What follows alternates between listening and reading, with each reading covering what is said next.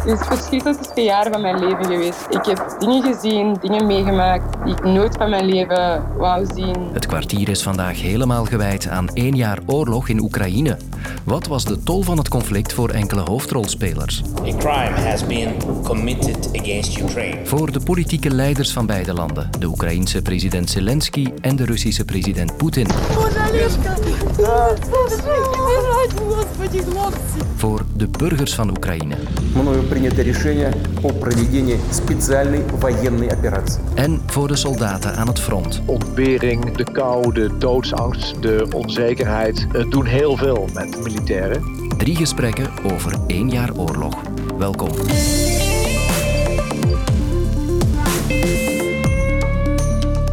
En we beginnen met onze man in Oekraïne zelf, Jan Baljouw.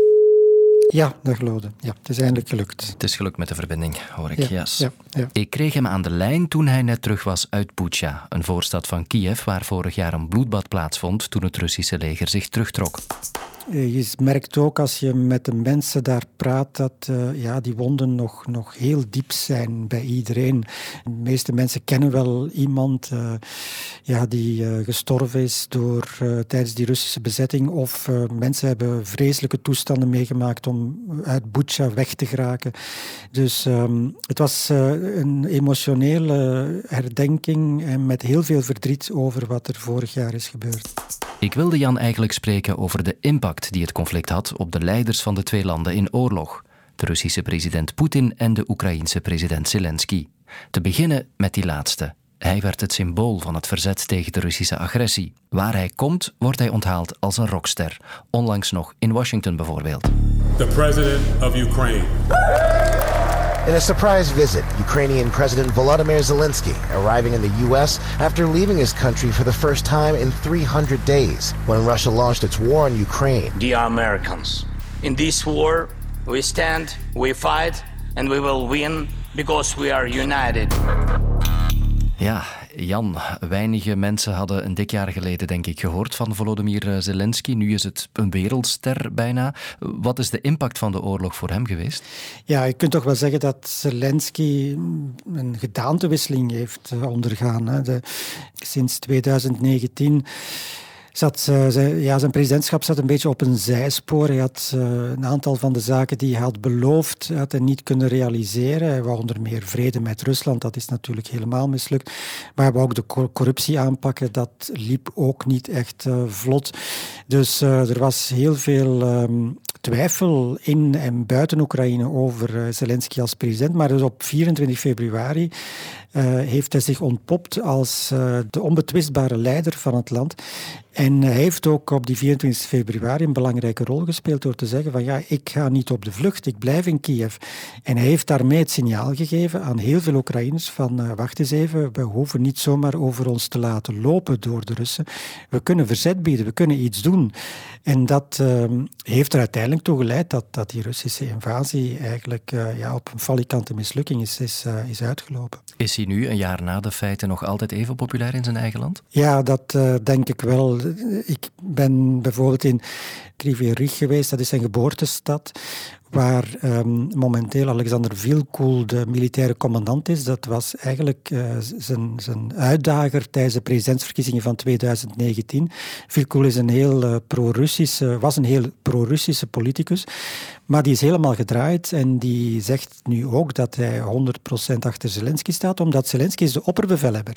De politieke discussies zijn eigenlijk een jaar lang al opgeschort. Iedereen ehm, trekt nu aan hetzelfde zeel. En wat met zijn Russische collega, president Poetin? Wat was de impact voor hem? Ja, Poetin heeft natuurlijk niet af te rekenen met veel interne oppositie. Die, ja, die is het land uit, of die zit in de gevangenis, hè, met Navalny bijvoorbeeld, eh, die al een tijdje in de gevangenis zit en er ook binnenkort niet zal uitkomen. Maar je merkt wel dat ehm, door het feit dat die invasie zo falikant is misgelopen, dat er wel oppositie is gekomen aan de andere kant, namelijk de meer nationalistische kant eh, van, van politici, mensen die vinden dat eigenlijk Rusland eh, nog veel te veel optreedt met handschoenen en eigenlijk eh, ja, er harder zou moeten invliegen. Nu, de positie van, van, van Poetin is op zich nog niet uh, aangetast. Er staat niemand klaar om, om, om hem van de troon te stoten. Maar natuurlijk, als die operatie in, uh, in Oekraïne niet vlug verbetert, dan zou dat wel eens uh, ja, kunnen afstralen op Poetin. Het is ook zo dat er uh, enorme hoge aantallen Russische slachtoffers zijn. Maar de vraag is ook, ja, hoe lang gaat die Russische bevolking dat allemaal nog uh, accepteren? Dat er zoveel slachtoffers vallen in Oekraïne. De levens van beide presidenten zien er ongetwijfeld anders uit dan een jaar geleden. Maar dat is wellicht niets vergeleken met het leed van miljoenen burgers. En een beeld dat mij persoonlijk altijd zal bijblijven is dat van een pianiste op het stationsplein van Lviv in maart vorig jaar.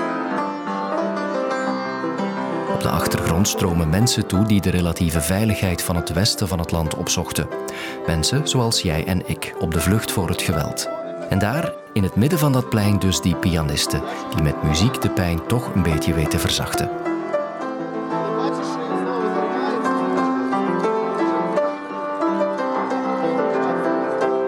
Uiteindelijk zouden zeker 8 miljoen mensen Oekraïne verlaten.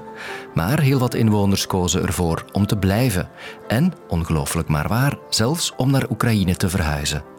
Sorry, ik ga het even opnieuw doen omdat mijn kat daar net op mijn schoot kwam zitten en, en mij half probeerde aan te vallen. Wacht, ik ga deze even... De Vlaams-Oekraïense Anastasia Galushka woonde een jaar geleden nog in Italië. Maar nu, op deze symbolische dag, konden we haar bereiken in haar appartementje in Kiev naar mijn ervaring is het veel makkelijker om dat te beleven wanneer je hier ter plekke bent en een beetje een oog hebt op, over, op wat er aan het gebeuren is en wat de sfeer is. En dat je in het buitenland zit, alleen, zonder ja, andere allee, Oekraïners of vrienden rondom jou. We lachen daar soms om, gewoon met mijn vrienden, dat dat een soort van zieke, perverse FOMO is. Fear of missing out. Want het voelt zo aan, maar het is niet dat. Het is meer van, je voelt je schuldig eigenlijk dat je er niet bent. Je voelt je schuldig dat jij ergens in het buitenland veilig zit.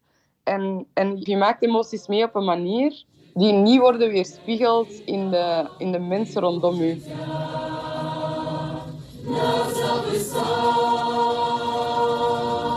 Er is een soort van normaliteit, maar die normaliteit is vreemd uh, en bevreemdend en is een constante clash omdat je eigenlijk op café zit en aan het praten bent met mensen. Uh, de, de, context is die van een goede tijd, maar dan aan de andere kant zijn de topics die worden besproken. Het front, wie heeft welke pakketten doorgestuurd, wie kent er nog brigades die hulp nodig hebben. Dus dat is, dat is wel een constante clash die je ervaart. Vandaag vind ik het zo'n beetje... Denk, misschien, misschien projecteer ik het, misschien is het mijn moed die ik projecteer, maar het is een beetje um, somberder, kalmer, um, ja, een beetje een gedemptere sfeer, laat het ons het zo zeggen. God, die luchtalarmen, dat, dat is eigenlijk een interessant fenomeen. Dat, het komt met vlagen, maar je merkt wel dat er op zo'n dag is als vandaag, waar dan mensen eigenlijk aan het wachten zijn van gaat het gebeuren, gaat het niet gebeuren. Ik denk als er nu een lichtalarm komt, dat mensen dat toch terug een pak serieuzer gaan nemen dan daarvoor. Als Oekraïnse zijnde, dan, dan is het voor mij absoluut uh, de momenten zoals Bucha en Irvin. Hun lichamen liggen gewoon op straat, van hun fiets geschoten, gedood na boodschappen op weg naar huis. Tank сзади меня стоял. Voor mij persoonlijk was Mariupol ook een heel zware en specifieke moment dat ik zelf onder een tank lag. Um, we waren daar als journalisten uh, om verslag uit te brengen en we werden gespot door de Russen op een of andere manier. En die hadden toen besloten om de kleine positie waar we waren zwaar te beschieten. Dat was een moment waar er toch heel veel voor mij is veranderd persoonlijk als mens. Uh, een ander kijk dat ik heb gekregen op, op het leven en de dood en, en op de, de, de fatale kost van, van deze oorlog. Mis wel die onbezonnenheid. Ik mis zo een beetje die jeugdige je m'en mentaliteit die we vroeger had, allemaal hadden. Dat is nu wel echt weg. We zijn allemaal oud, we zijn allemaal moe. En we moeten sowieso tegen 11 uur thuis zijn, omdat de nachtklok ingaat, de avondklok. Een, een soort van gevoel van een jaar geleden werden al onze levens stopgezet. Maar aan de andere kant heb ik ook enorm veel om dankbaar voor te zijn. Um, Heel veel van mijn vrienden zijn gevlucht. Of bevinden zich in het buitenland momenteel, maar toch degenen die hier zijn, komen wel normaal gezien vanavond langs. Gewoon wat gin tonic drinken, praten. Ehm, en ik denk dat het voor ons allemaal belangrijk is gewoon om vandaag niet alleen te zijn.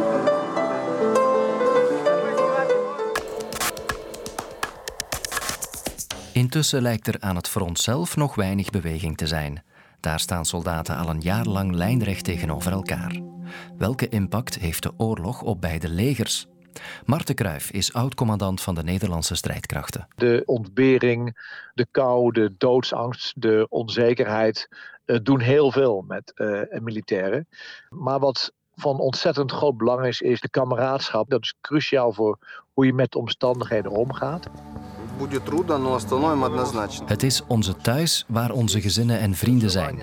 Dit is ons land en we moeten de vijand tegenhouden, dat zegt deze Oekraïense soldaat. Zij gaan door tot het einde. En het tweede is, en dat zien we ook gebeuren aan de Oekraïnse kant, een regelmatig roleren van de eenheden in en uit het front. Dus men is ook bewust bezig om ondanks tijden van heftige en intense gevechten ook rustperiodes in te bouwen bij de soldaten. We zien dat het uh, toenmalige middenkader, de officieren van het Oekraïnse leger, ja, dan moeten we eigenlijk acht jaar terug naar uh, 2014. zijn getraind in uh, moderne oorlogvoering, met name in de Verenigde Staten en het Verenigd Koninkrijk. En die kwaliteiten om militaire operaties te kunnen plannen en uitvoeren, die hebben ze meegenomen. Dat is ook het grote verschil tussen het uh, Oekraïns leger en het Russisch leger. De, de kwaliteit van dat kader en de motivatie van de soldaat. We zien dat het leiderschap van het Russische leger is geërodeerd. Heel veel bekwame commandanten uh, zijn niet meer in staat om hun functie uit te oefenen. We zien dat er enorme materiële schade is en dat de Russen grote problemen hebben om hun uh, materieel te vervangen. Na één jaar van oorlog en gevechten is de dodentol aan beide kanten erg hoog. Oekraïne is natuurlijk heel terughoudend in het delen van deze informatie. Maar het kan niet anders als dat ook de verliezen aan de Oekraïnse kant groot zijn. En dan praat het niet alleen over militairen, maar ook over burgers. De informatie die ik uit eh, onze inlichtingendiensten krijg is dat we ongeveer praten over 45.000 gesneuvelde Russen en ongeveer 140.000 uh, gewonde Russen. Dus dat zijn enorme aantallen. Ik denk dat we moeten erkennen dat Poetin dacht binnen twee weken Oekraïne te veroveren. En toen dat niet lukte, kwamen de bussen. In heel Rusland werden mannen gedwongen om te gaan vechten. Uh, toen dat niet lukte, had hij eigenlijk nog maar één mogelijkheid over: het mobiliseren van alle industrie, politieke middelen, financiële middelen en mensen. En dat heeft hij gedaan met alle problemen van dien. Reservisten die niet gemotiveerd zijn, ook nauwelijks getraind hebben. Dus die hele mobilisatie heeft weliswaar in aantallen wel verliezen aangevuld, maar in kwaliteit niet of nauwelijks. En dat zien we ook wel terug op het uh, gevechtsveld nu. Waar de veroveringen en heroveringen elkaar in het begin van de oorlog snel opvolgden, liggen nu frontlinies. En die schuiven steeds minder op. De vraag is nu wie de uitputtingsslag uiteindelijk zal winnen. We moeten beseffen dat de Russen eerder in staat waren om offensief op te treden. Omdat ze makkelijker aan hun middelen konden komen. Zeg maar wat oudere tanks uit eigen voorraden. Maar we zien eigenlijk op geen enkele plek een eh, inbraak, laat staan een doorbraak door de Oekraïnse linies. Alleen af en toe een meebuigen. En dat duidt erop dat in mijn ogen het offensief van de Russen niet goed van de grond komt. Als ik dat in tijd zet, en ik vermoed dat eind van de lente, begin zomer, de, het Oekraïns leger gaat beschikken over de wapens uit het westen, dan denk ik dat de kans dat het Russische leger deze oorlog wint, dat die eh, met de dag minder wordt. En hij kan zelfs nog delen verliezen van Oekraïne. Uh, als hij denkt op zijn Frans, ik kan een stap terugmaken als ik straks weer twee stappen naar voren kan. Reculer pour mieux sauter. En hij gaat daarbij vanuit dat de steun van het Westen aan Oekraïne gaat afbrokkelen. Uh, en tot nu toe is daar uh, geen uh, teken van. Maar dat is zijn enige kans om te winnen dat Oekraïne blijft hangen, niet meer de steun krijgt uit het Westen die het nu krijgt. 365 dagen na het begin van de oorlog hadden we voor elk van onze drie gasten ook dezelfde slotvraag. Waar denk je dat we staan over nog eens een jaar, op 24 februari 2024? De meest waarschijnlijke optie is dat we dan nog steeds een oorlog hebben. Waarbij ik vermoed dat grote delen van de Russische krijgsmacht niet meer inzetbaar zijn. En delen van het Donbass zijn terugveroverd door het Oekraïnse leger. Het meest gunstige geval is dat deze oorlog tot een stilstand is gekomen omdat er vanuit China en de Verenigde Staten veel politieke druk is uitgeoefend op Oekraïne en Rusland om toch tot een akkoord te komen. Ik vrees dat deze oorlog eerst nog erger gaat worden voordat er licht komt. Oorlog is onvoorspelbaar. Uh, iedereen had gedacht dat de Russen over Oekraïne heen zouden lopen. Wat je nu wel merkt is dat de toestand voor Oekraïne op lange termijn er beter uitziet dan nu, omdat het Westen toch heel wat zwaar wapenmaterieel heeft beloofd, die de balans aan, het, aan de frontlijn kunnen doen keren. Ik denk wel dat Oekraïne misschien volgend jaar er nog sterker voor zal staan dan nu al het geval is. Als je mij dat als persoon vraagt en niet als journaliste, dan hoop ik dat jullie mij van de Krim bellen en vragen hoe dat de zee eruit ziet. Dat is zo de grote droom voor, voor alle Oekraïners.